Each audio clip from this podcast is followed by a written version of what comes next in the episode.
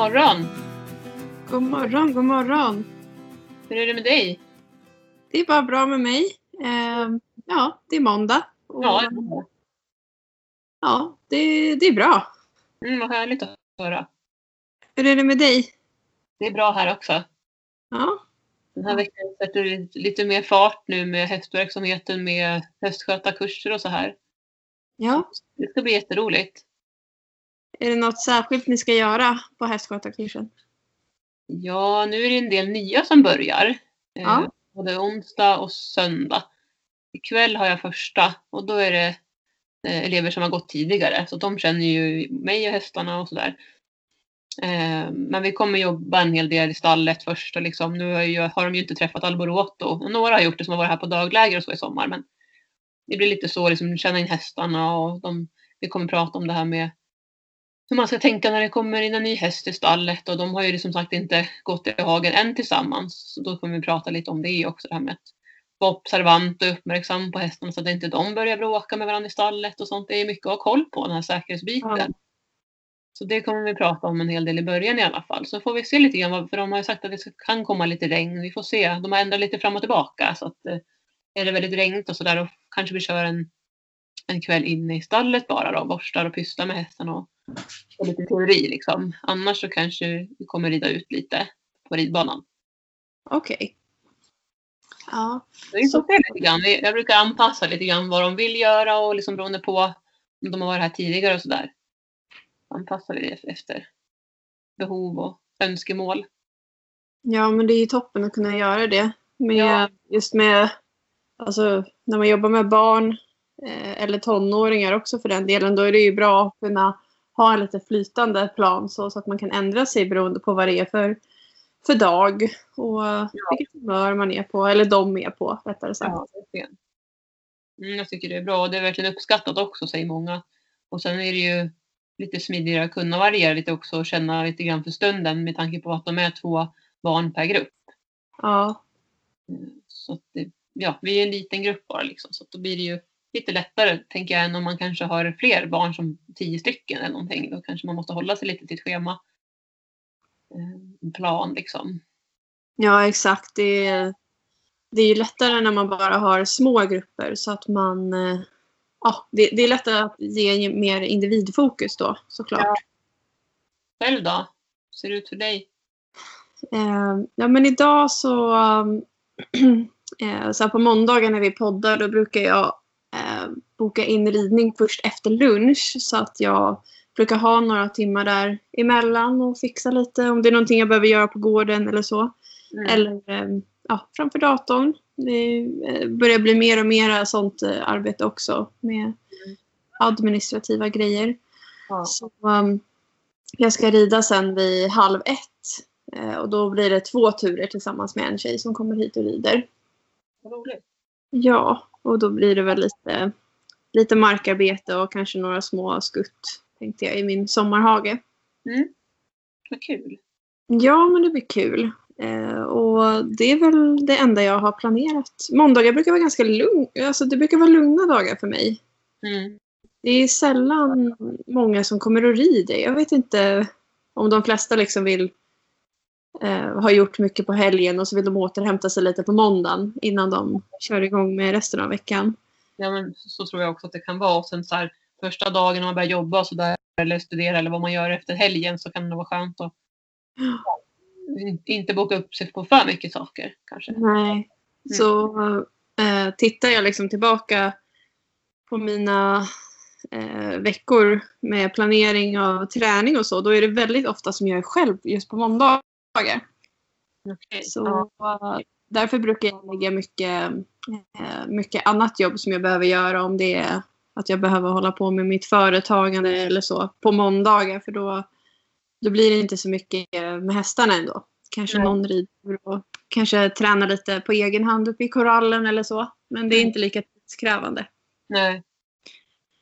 Sen brukar ju det passa ganska bra i vårt schema också för på helgerna är det ju, om det är tävling så är ju det på helgen och eh, gör vi eh, längre pass och så brukar det också vara på helgen och då får hästarna lite återhämtning sen här på måndagen efter Ja, helgen.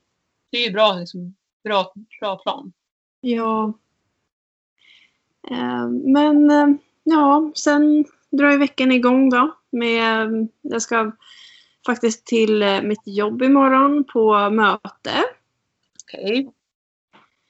Det är mycket, mycket nu eh, rörigt är det med, i och med corona som inte har gett med sig. Så man, man tänkte i våras att man skulle flytta fram allting till hösten för att det skulle lösa sig då. Men eh, så ser det ju inte ut nu tyvärr. Nej. Så eh, jag har mycket, mycket praktiskt att lösa på, på jobbet med konfirmander. Jag förstår det. Se hur vi, ska, hur vi ska göra med konfirmation och sånt där. För det är ju fortfarande 50-gränsen som gäller. Ja. Och det verkar inte bli så mycket förändring av det heller. Nej. Eh, och Ska konfirmera sig.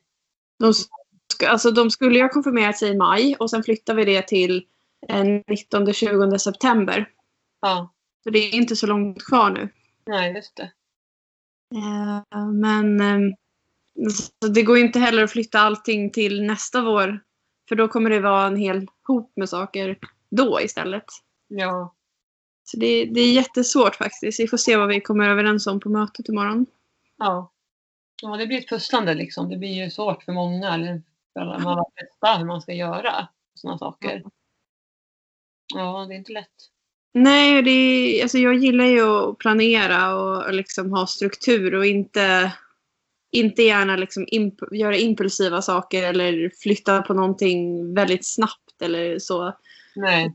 Jag vill gärna veta långt i förväg vad jag ska göra för Mm. planerar jag ju resten av livet runt omkring det. Mm. Eh, så ja, vi får som sagt se lite.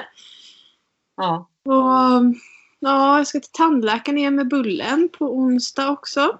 Okej. Vi har inte varit där på ett tag. Jag vet inte när vi var där senast faktiskt. Det var nog någon månad sedan eller två. Ja. Så nu får vi se hur det ser ut. Hoppas att det går bra. Vad tror du då? Liksom, har du någon magkänsla? Alltså jag märker ju att han mår mycket bättre. Mm. Jag kan inte säga att han... Alltså det var inte så att han, han, man gick runt och tänkte men gud vad, vad dåligt han mår innan jag började fixa tänderna.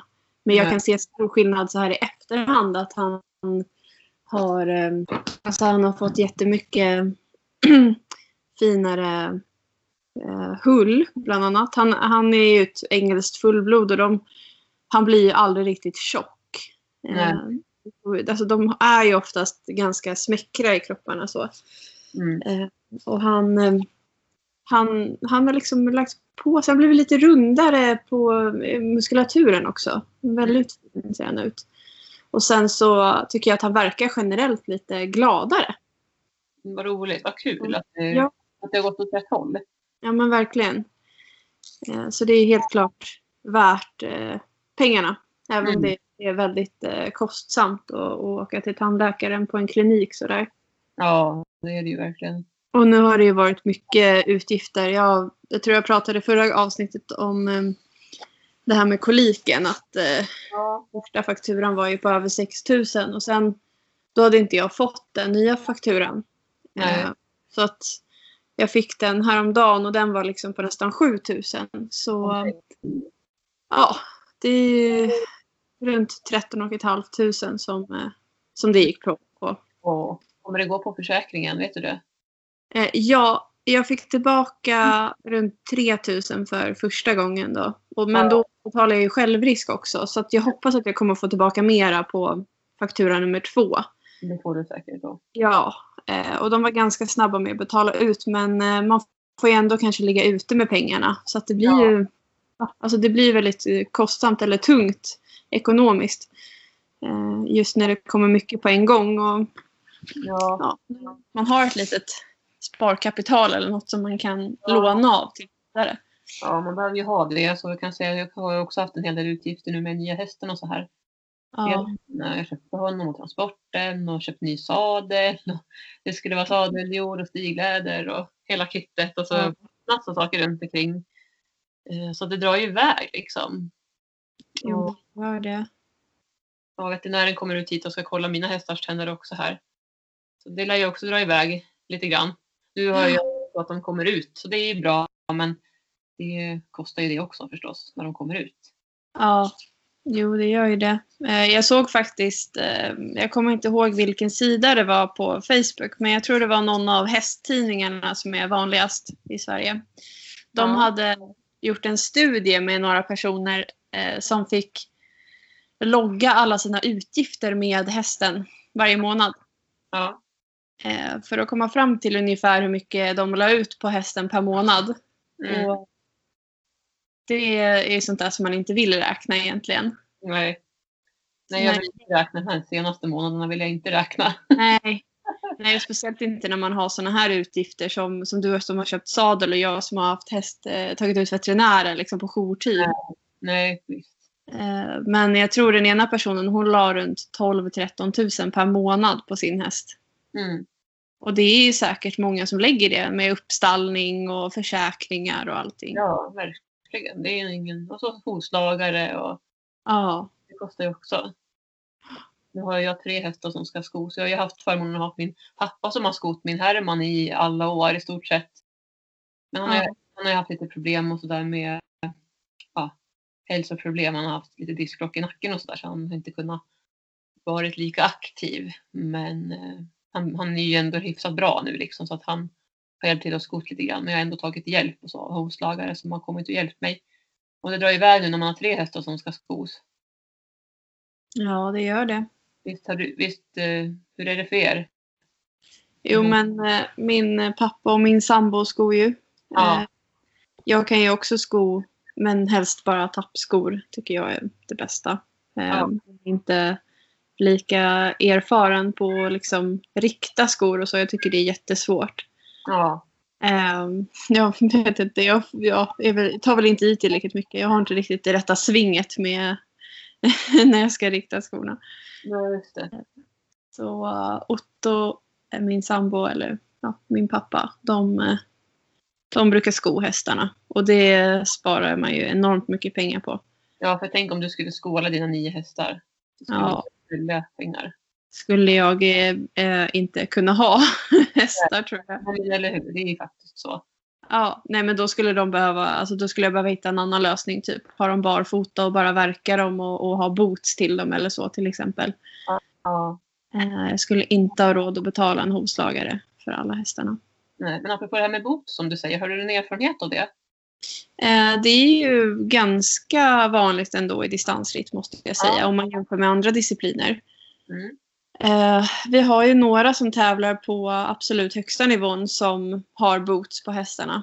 Mm. Eh, vi har några som, som har ridit flera mästerskap som har boots eh, som de limmar på. Då. Det är inte sådana här med spännen för eh, limboots sitter mycket bättre. Okej. Hur länge kan de sitta då när man limmar fast dem? Eh, jag vet faktiskt inte men jag tror att det limmet är väldigt eh, effektivt och sitter väldigt bra. Så att du, de håller liksom en hel tävling då, 16 mil vad jag vet.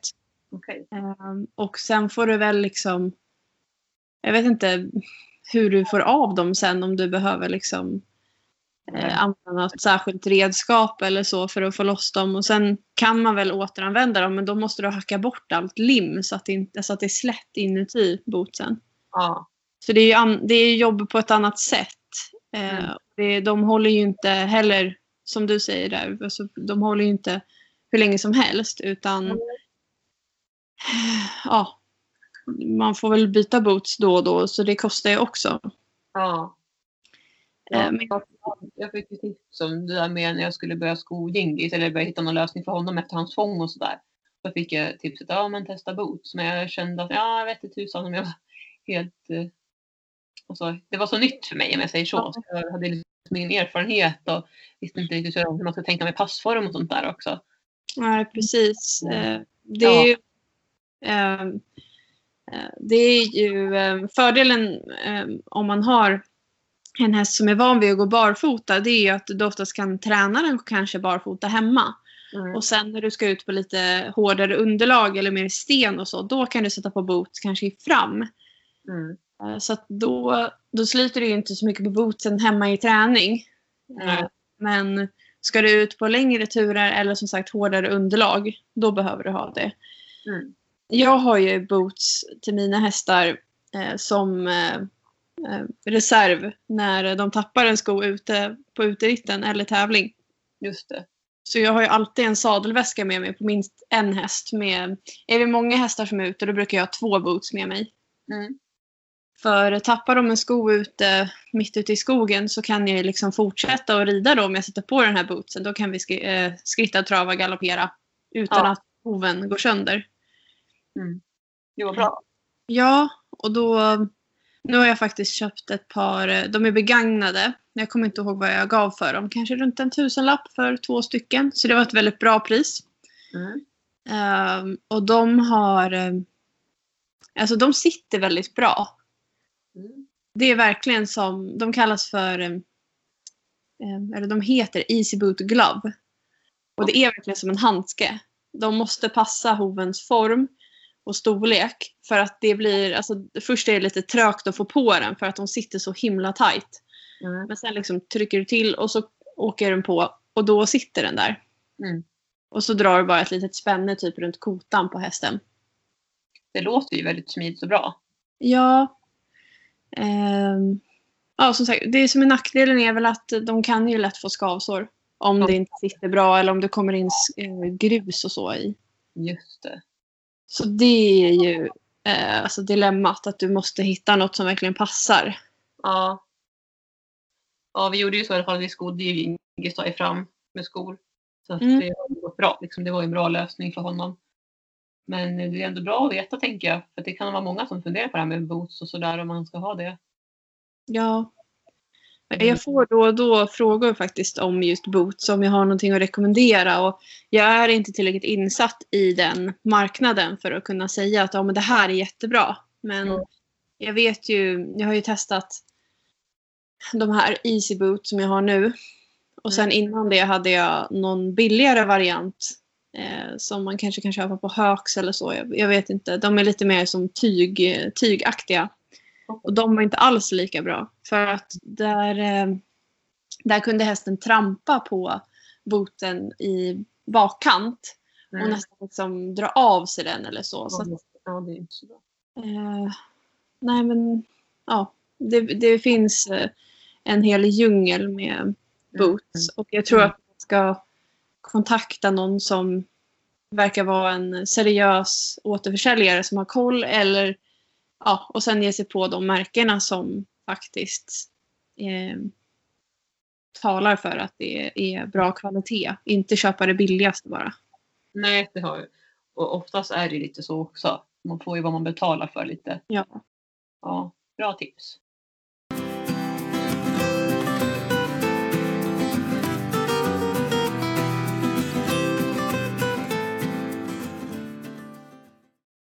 På det här med att åka och handla och köpa saker till hästarna så var jag och köpte täcke till Alboroto. Ja, Jag vet inte om han har haft täcke för jag måste fråga det. Jag har inte tagit mig för och frågat. Men han är ju inte direkt rädd för täcket men hon tyck, tyckte ändå så att det var lite konstigt och nosade och sådär. Och så Ja. Det var jättefint när jag la på det och sådär. Men i alla fall, jag har fått många, la upp på min, min story här att de fick, man fick gissa vad man trodde att han hade för storlek. ja just det. Jag gissar ju rätt. Ja, jag gissade rätt ja. Han är 1,80 och jag, ja, vad de flesta brukar väl dra då, kanske 145 va? Man är, ja, 145. eh, Men han har ju då 125. Ja. Så så jag fick jättemånga kommentarer. Bara, Va? 125? Det är ju typ C-ponnymått liksom. Det har min C-ponny. ja. Ja. Han, har ju, han har väldigt kort rygg. Men det har ju PRN oftast. Då. Ja. Så, och visst, det har ju Herman med som är hafflinger. Och jag tänker araber har ju också ganska kort rygg. ju. Ja, precis. Mina araber har ju mellan 125 och 135 generellt. Ja. Ehm, många av dem kanske ligger på 130, sådär mittemellan liksom. Mm. Men då är de ändå lite lägre va? De flesta är ungefär runt 150 eller? Centimeter. Ja, eh, precis. De som är 150, de brukar ju ha 125 och de som är 160, de brukar faktiskt ha 135 av mina hästar. Så att din eh, Alboroto är ju lite mindre då, eller kortare. Ja. Ja. Men vi får se. Jag tror att det svåra kommer bli när hon breddar sig. Då kommer Ja. det bli svårt att hitta någon som passar både på längden och på bredden för honom. Jag kommer säkert få gå upp då kanske till 135. För jag har ju testat Hermans täcke, han har ju 135 och han är ändå 148 centimeter hög. De var alldeles för långa på Alvarado. Okej. Och lite lösa också vid, framme vid bogen och så. så att, eh, ja, det kan bli lite svårt det där framöver. Men vi får se. Jag hittade täcket som passade nu i alla fall. Och det är, får jag vara nöjd för så länge. Så får man ta det andra sen. Liksom. Ja, eh, jag tänker det finns ju vissa märken som brukar ha lite, eller vara lite bredare i bogen och så. Du får väl leta efter något sånt då när det är dags. Ja, verkligen. Det är som du säger, det är en uppsjö med all, all hästutrustning egentligen. Det finns ju olika alternativ. Men det är bara att jag har lite dålig koll på vilka som är större i bogen. Så har ni tips så får ni jättegärna tipsa mig framöver. Ja. Och nu. Vad, vilka tecken som, är, som kan pass, tänkas passa. Men vi får se hur han växer på sig också med tiden här. Ja, precis. Spännande. Ja, Se om man går upp en storlek kanske. ja vi får se. Ja, men eh, är det något annat som har hänt för dig? Ja, vi var ute och red här. De har ju tröskat här nu på åkrarna runt omkring oss. Så vi red Ja. ja. båken här om, ja det var här i veck, förra veckan.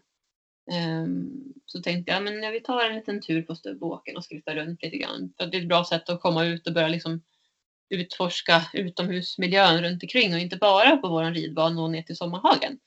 Nej. Så vi ut där och det var ju lite tokigt. Det ju sådär när man har små barn och sånt där. Vi kom ut ganska sent. Jag tror att jag satte upp på honom strax efter, var det klockan åtta kanske? Och det börjar ju skymma nu ganska tidigt. Alltså det är mörkt Ja. igen. Ehm, så vi, och så skulle jag ju först rida honom på ridbanan. För att jag ville liksom ändå känna in hur han kändes och sådär. Han har ju varit lite test, testat mig en del som jag tror att jag har sagt här i avsnitten tidigare. Eh, bo- Dels att han inte vill ha gått fram för skänken riktigt när vi ska trava och ställer Mm.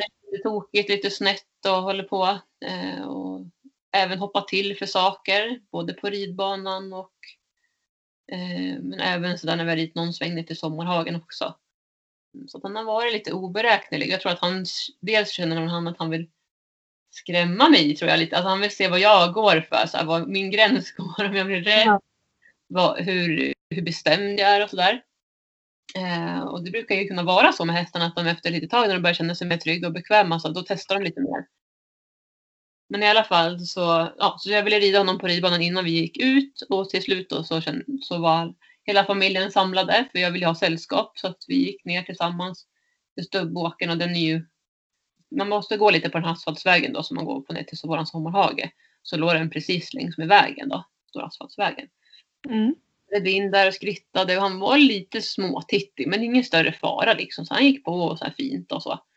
Så vi skrittade runt där på åkern och så har jag ett ställe som jag tycker är ganska bra för det är hyfsat plant fast ändå lite lätt sluttning. Liksom jag känner mig ändå bekväm med marken för man vet ju inte. Det kan ju finnas stenar och gropar och sånt på åkrar också så man får ju vara lite försiktig. Ja. Eh, men där känner man, här blir det, här rider vi. Liksom. Så red vi lite fram och tillbaka på ett specifikt ställe, så upp och ner liksom, på den här åker, eller på åkern där. Skritt då. Och så kände jag, ja men det känns bra, han lyssnar på mig, jag svarar på hjälperna. Så vi travade på. Eh, lite grann sådär, liksom uppförs, uppförsbacken. Det gick bra. Så tänkte ja men det här går ju så bra så vi tar en liten galopp också sådär. Mm. Och då blev han lite så här, helt plötsligt bara, han galopperade så fint i form och sådär. Men helt plötsligt så bockade han till lite grann. Inte någon stor grej men jag kände så här, nej jag vill inte att mina hästar ska bocka. Nej. Göra det. Så jag saktade av direkt. Som tog ner, pratade med honom lite lugnande och så skrittade vi runt och sådär. Eh, och så lyssnade han bra igen. Så tog vi lite trav och så lyssnade han. Men sen eh, så kände jag, ja, men vi, vi rider lite hemåt nu. Det får räcka för idag, för ikväll här, liksom, för det börjar bli mörkt. Eh, så vi skulle rida hemåt och då fick han världens spel. Jag, tänkte, jag visste inte vad, han, vad det flög i honom. Jag vet inte om det var att han var taggad av att få vara på en åker. Han kanske aldrig har varit på en åker, förmodligen inte. Nej. Det är så stort och öppet, det pratade du också om här. Eh, och sen så eh, var vi ju ensamma utan sällskap. Och sen så var ju familjen, och det ska jag också säga, de gick ju på grusvägen bakom skogen på sidan om åkern. Så han hörde ju dem lite så här av, avstånd. Så jag tror Ja. han kan vara lite rädd för mina barn också, för de hade med sig sparkcykel. Eh, så att han fick något spel och kastade runt sig på något sätt. Jag vet inte om han stegade sig, men det kändes som att han kastade sig runt och liksom började backa snabbt och liksom ja, det är svårt att säga så här i efterhand. För jag var ju inte alls beredd på att han skulle göra så där. För det kom ju typ bara helt plötsligt liksom. Han hoppade Ja. till. Och jag bara liksom nej, nej, nej sådär sa jag då. Lite tror jag av lite egen panik. Inte att det liksom skrek eller så men ändå så här. Men då, då lugnade han ändå ner sig så han stannade upp. Och det är jag glad för att han inte fick värre spö typ sprang hem och kastade av mig eller något liksom. Utan han lyssnade ändå. Det blev inte mycket värre än så. Men jag, men jag fick ju puls som man säger. Det är inte nu skrittar vi bara lugnt. Jag försöker liksom fokusera på honom honom lugn och ändå avslappnat så att det inte jag spänner mig för då smittar man ju över det på hästen direkt. Så jag var avslappnad och pratade lugnande och då liksom lugnade han ändå ner sig men han var ändå orolig och sådär. Jag tänkte vi ska inte fortsätta hemåt här utan vi liksom går en runda till här och fortsätter tillbaka där han hoppade till. Eh, för att jag vill ändå att han inte ska känna att okej, här kan jag komma undan och att jag blev skrämd. Nej. Eh, så då lugnade, så det gick bra. Vi kunde ta den där vändan igen och liksom rida runt och sådär. Eh, så det gick bra. Så det var inget med att han hoppade till eller så. Men däremot så taktade han nästan hela vägen hem. Och tänkte ja, det får han väl göra då. Så länge han liksom inte hoppar till eller får något mer ryck eller sticker eller någonting sånt där så, så kör vi så. Och det gick ju bra. Men det är ju, alltså han har lite såna, han kan hoppa till för saker ganska helt plötsligt bara så här som man inte är beredd på. Det är svårt att säga vad han blir rädd för också. Mm. Men det är ju som sagt ett nytt land, ny miljö. Alltså det är ju helt, ser ju annorlunda ut i Sverige än vad det gör i Spanien ändå. Jo. Då har vi mycket grönska och mycket träd som fladdrar. Mycket aspar här runt där också. Och asplöv är ju lite... Alltså det kan ju låta konstigt kanske men om man tänker efter så aspträd de, de är ju ganska... kan ju vara lite läskiga för en häst tänker jag. Ja. Går och sånt där och det fladdrar och... ja, det har varit mycket blåsigt nu senaste dagarna. Ja, det var lite blåsigt även då. Det var väl då det började blåsa upp den kvällen tror jag det var. Ja. Och det är mycket möjligt att han hade inte riktigt koll och så började det skymma. Eh, Men sen så dagen efter i alla fall så att men vi måste ju rida där igen. Liksom, för han ska inte bli, tycka att det är obehagligt eller så. Det ska vara roligt att rida ut och så. Så vi Mm. red igen men då hade vi med oss sällskap. Min kompis följde med och red på Herman. Och då gick det jättebra. Men då fokuserade vi bara på att skritta. För som du sa också, vi diskuterade det du och jag där. Att eh, han kanske blev för taggad också och tyckte det var jätteroligt och sådär. Så att han Ja. tog över hand. Så vi skrittade. Men vi tog nå- några travsteg för jag kände att jag vill ändå se. Ja, vill- man vill inte bli rädd heller. Att man, vill ändå våga trava och sådär om man känner att man ändå har kontrollen. Så vi gjorde det några steg och sådär och det gick jättebra. Men däremot så hade vi fokus på skritt för att han skulle känna att han skulle kunna ta det lugnt och varva ner och så. Och det gjorde han verkligen. Och då var det ju, det var ju på dagen också så att han hade ju dagsljus och sådär. ja, men det är ju... Alltså, stubbåkare är ju väldigt inbjudande. Det, Så det- ja, ju. Man får inte glömma bort det. Nej, de flesta hästarna blir ju lite taggade eller framåt och liksom tycker att oh, här finns det mycket utrymme att Mm. springa. Ja. Jo, det är väl bara det att jag är så himla van med Herman. Han blir ju taggad och tycker att det är väldigt roligt sådär att springa. Men han är ju aldrig så att han hoppar till eller sparkar bakut eller så. Utan det han gör det är att han blir taggad och liksom lite ivrig och vill springa. springa. Och sen att han, kan springa ganska fort. Men mm, ja, han, man har ändå kontroll på honom. Ja, vill, har väl varit lite bortskämd, kan jag väl säga då, med honom. Så det är Ja. lite utmaningar, men det är också det som är roligt, att det är utmaningar. Samtidigt att man måste ju ändå tänka på att man inte gör någonting förhastat. Då. Det är ju lätt, och vi har, vi pratat om det tidigare du och jag också i avsnitt, att man, man vill ju så himla mycket. mm. Det jag kände också, ah, men gud jag vill verkligen trava och galoppera på stubbåkern men om man, med facit i hand så skulle jag nog inte ha gjort det den där kvällen utan det blev för mycket för honom. ja, Det slog lite över då. Därav den där, den där vändningen han gjorde, det där konstiga. Eh, Man får nog ta det lite lugnare helt enkelt. ja, men det var ju skönt att det gick så bra i alla fall. Ja, det gick bra. Inga avramlingar än så länge. Nej, Ja, det hoppas vi att vi slipper. ja det hoppas jag också. Däremot så kan jag säga gårdagen då tränade vi markarbete, jag och Alboroto. Ja, det var också när det började bli lite skymning. Han känner sig ändå mycket mer tryggare på ridbanan. Men han hoppar till där ibland också. Det var en gång han hoppade till när jag ledde honom. Eh, men vi tränar mycket på att han ska stanna bakom mig och backa upp. Och han är ju väldigt känslig och lyhörd så det är jätteroligt. Däremot så, så eh, alltså han är inte så bekväm med grimskaften och med spön och sånt där. De vill han gärna liksom nästan bita efter. Han är irriterad på dem. Så jag får ju använda väldigt små hjälper för att inte liksom ge för mycket tryck eller för mycket pressure som man säger på engelska. Ja. Ehm, så ja. Ehm, men sen efteråt att jag hade tränat mycket på det här, han verkligen lyssnade och stannade och allt det här. Alltså, då släppte jag lös honom så fick han springa av sig för det behövde han då. För då hade han stått gårdagen hela dagen och sen dagen innan också. Så Okej. ja, då sprang han runt. Så jag upp lite på mina stories. När han galopperade runt och så. Sen sökte han ju självmant kontakten. Han hade fått springa av sig så kom han emot mig. Och så tränade vi lite därifrån så jag hade honom lös och han följde mig och liksom, ja, han var väldigt följsam.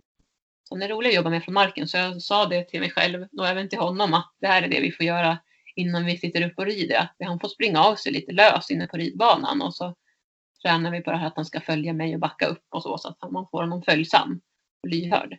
Och sen Ja. upp och rida. Man får ju oftast en väldigt bra kontakt då innan man sitter upp. Ja. Och det är ju så vi har jobbat då när, när han kom också från att när jag satt upp första gången. Jag tror att han behöver det. Han behöver struktur och eh, disciplin. Någon att alltså att man litar på en och det får ju hästen ett förtroende när man jobbar om från marken. Ja.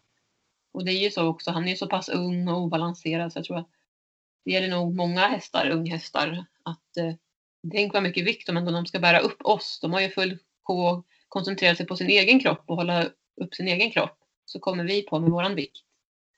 Det är ju klart att en del hästar också kan känna nej vad är det här och hur ska jag bete mig och så. Ja, det är ju inte konstigt. Nej. För sig saker. Ja, men precis. Jag har också faktiskt jobbat en del från marken. Eller ett pass gjorde jag faktiskt nu i veckan. Ja, Eh, med Orys. Det var ett tag sedan sist jag mest... Det blir så lätt att man mest rider för att det är den alltså, träningen, eh, konditionsträning och så som, som mina hästar behöver. Men eh, jag kände när jag jobbade från marken att det är så himla härligt och det ger så mycket. ja. Samspelet. Ja. Och jag har, alltså jag har ju börjat träna honom. Eh, det var ju länge sedan nu. Vi hade ju något event här i höstas förra Mm. året. Då hade jag precis börjat träna på att han skulle longera sig runt mig lös. Alltså inte bara längs korallens väggar utan att verkligen precis vid mig. Ja. Eh, Så jag brukar lägga upp mitt spö då uppe på hans manke. Mm, Och, Eh, Spöet ska aldrig släppa, alltså för då, då är han för långt bort. Just det. Eh, Så det hade jag börjat träna då. Och nu så... Ja, jag har ju som sagt haft ett jättelångt uppehåll med, markarbetet med honom. Jag har bara tränat lite lös longering så. Men nu har vi kommit så pass långt att han travar faktiskt runt mig så också. Så han är Mm. jätteduktig. Vad roligt. Ja, Får du honom att eh, förstå att han ska hålla sig där spöet där? Ehm, ja, eh, jag gjorde så att ehm, jag, jag försöker liksom då betinga den här känslan för honom att det ligger någonting vid manken. Så jag försöker hålla spöet ungefär på samma ställe. Mm. Och sen så ehm, till att börja med så liksom ber jag honom bara gå runt mig. Man kan ju ha ledrepet då de första gångerna. Precis. För då kan han ju inte gå iväg för långt. Nej. Och sen så betingar jag att när jag tar bak spöet bakom mig och liksom vänder mig lite bort eh, så ska han vända, sig, vända upp mot mig. Ja. Så han flyttar ut sin rumpa och vänder upp ögonen mot mig liksom, och det betyder stopp. Mm. Eh, sen när jag började träna lös då med bara spöet uppe på honom och ingen, inget ledrep. Då när han släppte kontakten med spöet så skickade jag ut honom långt bort från mig. Liksom så här, okej men vill du springa iväg så gör det då. För att det var nästan så här i början att han, han visste att när spöet försvann så började han öka farten liksom och bara Ja. Ja, nu är jag lös. Ja. Så att det var nästan som att han typ var lite busig då. ja. Men eh, sen så när han förstod att han skulle ha kvar spöet hela tiden så, så liksom gjorde han det. Mm. Så funkar det superbra. Mm. Det är ju svårt också att förklara exakt i detalj hur man gör för det ligger så mycket känsla bakom det. Jo, det gör ju det. Och hästar lär ju sig, ja, alltså de är ju bekväma och lata av sig. Ja, Så om jag skickar iväg honom och han får galoppera då för att han gjorde fel, mm, då blir det jobbigare än att göra rätt. ja. Precis. Eh, Så att de lär ju sig, okej men det enklaste är att jag gör så här. Mm. Ja. Och då ska ju det vara den rätta lösningen. Så att det inte, det som är rätt ska ju inte vara det som är svårast. Nej. Nej, det har du rätt Det är en jätteviktig viktig poäng i det hela. Ja, Vi gjorde lite så också igår i Alborota att han var rös och han, efter att han hade fått sprungit av sig och dragit några runder där så, så då var han också lös och sprang runt mig sådär och han, eh, han vände upp sig, upp sig mot mig då när jag stannade och liksom så. så det är väldigt kul att ha en häst som är känslig. Herman är också ganska känslig sådär men inte de är olika alla tre, det är olika nivåer på känslighet av mina tre hästar. ja, Och vi ska träna lite mer markarbete här nu efter vår poddinspelning och sen så kommer min kompis igen och vi ska rida. Så jag tror, vi pratade faktiskt om att vi skulle rida ut i skogen idag, men jag tror inte att vi gör det ändå. Jag tror att jag fortfarande ska fortsätta. Vi rider på Stubbåkern i skritt idag också. mm, Man får liksom lära känna miljön lite mer innan vi går ut i skogen.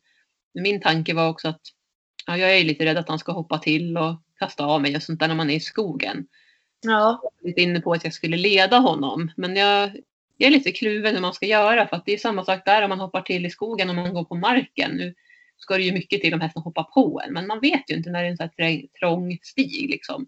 ja, Eh, så jag tror att vi kör lite mera stubbåker även idag.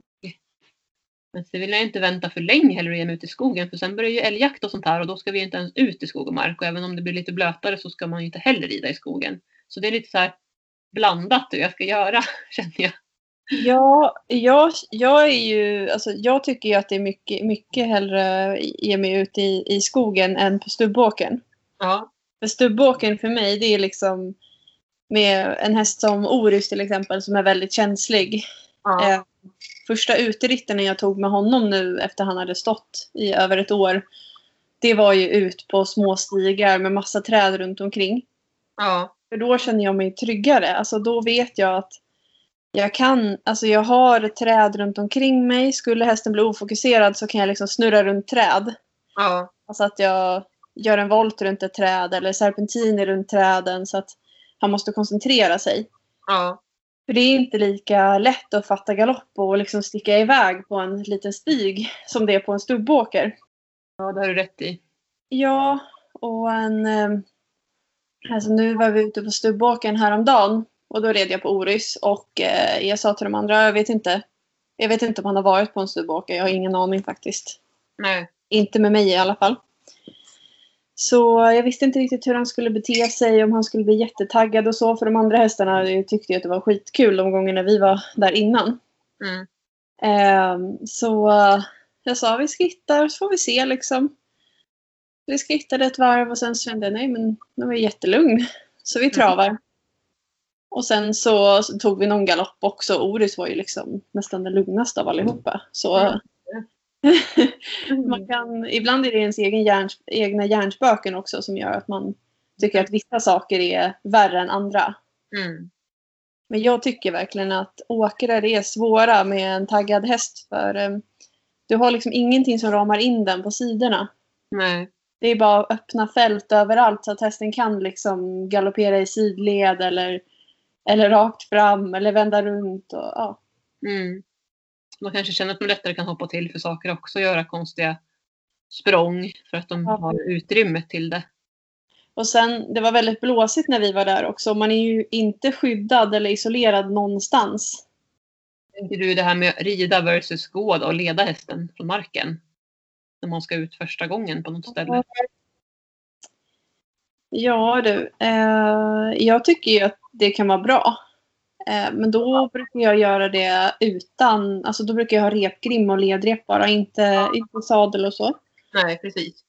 Eh, jag har ju gjort det mycket med Orus eh, då innan jag började rida ut på honom. Då liksom gick vi i skogen där det var snårigt och mycket busk, buskage och så.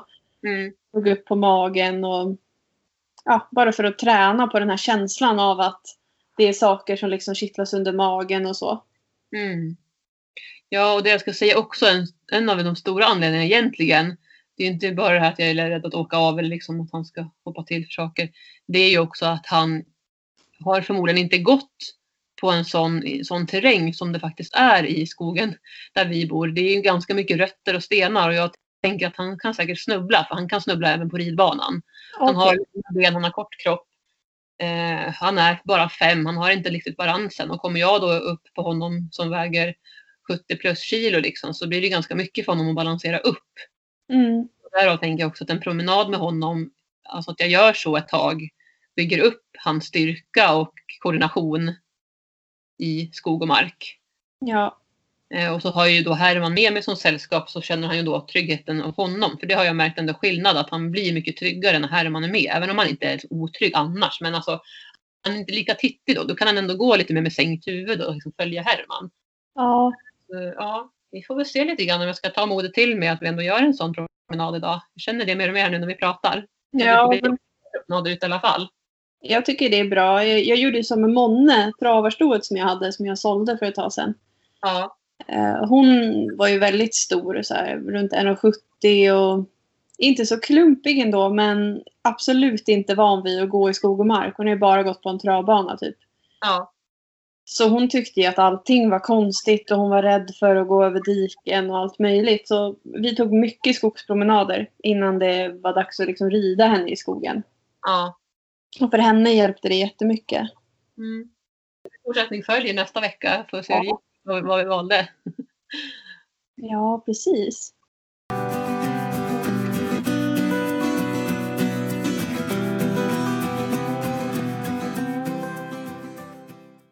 Händer annars här nu då? I helgen så är det ju lag-SM i distans. Så Ja.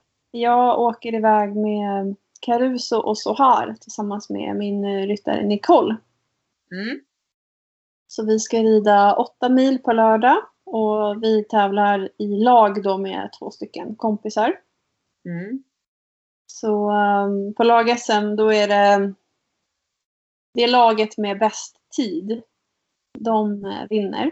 Så eh, de tre bästa ryttarna, eller de tre bästa tiderna rättare sagt, de räknas. Och sen har man då en fjärde ryttare som reserv. För det kan ju också bli så att någon blir utesluten i laget. Eller till och med om man har otur kanske två stycken eller så. Och då sticker ju laget. Mm. Så det gäller att få tre godkända ekipage åtminstone. Vi siktar ju på att alla fyra ska bli godkända då. Jag kommer inte ihåg riktigt hur många lag det är, men jag vet att det är över 30 startande. Jag tror det var 32 stycken. Och det är ganska mycket för att vara i en, en distanstävling. Det var kul ändå att det är många. Ja, det märks att folk är sugna på att komma ut och tävla igen. Ja. Så tyvärr då för vår del så är det väldigt många duktiga ekipage. Alltså det, eh, de flesta brukar inte prioritera lag-SM utan man prioriterar liksom de större mästerskapen. Mm. Eh, men i år har ju mycket blivit inställt så då blir det ju så att även de absolut bästa hästarna går i lag-SM istället för att man har inte haft användning för dem på någon annan tävling. Mm. Eh, och vårt lag, vi har också väldigt bra hästar. Men vi får se. Vi siktar såklart på att ta en med- medalj. Mm. Får vi se hur, eh, hur långt det räcker med våra hästar. Vi, Ja. Ja. ja, det ska bli superspännande. Så får vi hoppas att, det, att vi får en bra uppladdningsvecka här också. Ska Mm. köra mycket lösgörande och dressyr med hästarna. Och sen eh, så blir det mycket packande och planerande av, av sånt också inför resan. ja, det är klart. Hur har du liksom förberett tidigare här några in, in, veckorna innan här den här tävlingen? För en åtta mil är ändå ganska långt liksom. Ja. Jo, men jag har ju kört galoppträning då. då. Mm. Ungefär var tionde till var fjortonde dag. Eh, Så sista passet gjorde vi ju för, eh, ja vad blir det?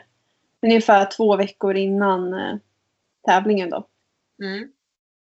Och sen veckan som var så har de inte tränat så jättehårt utan nu är det liksom uppladdning och återhämtning.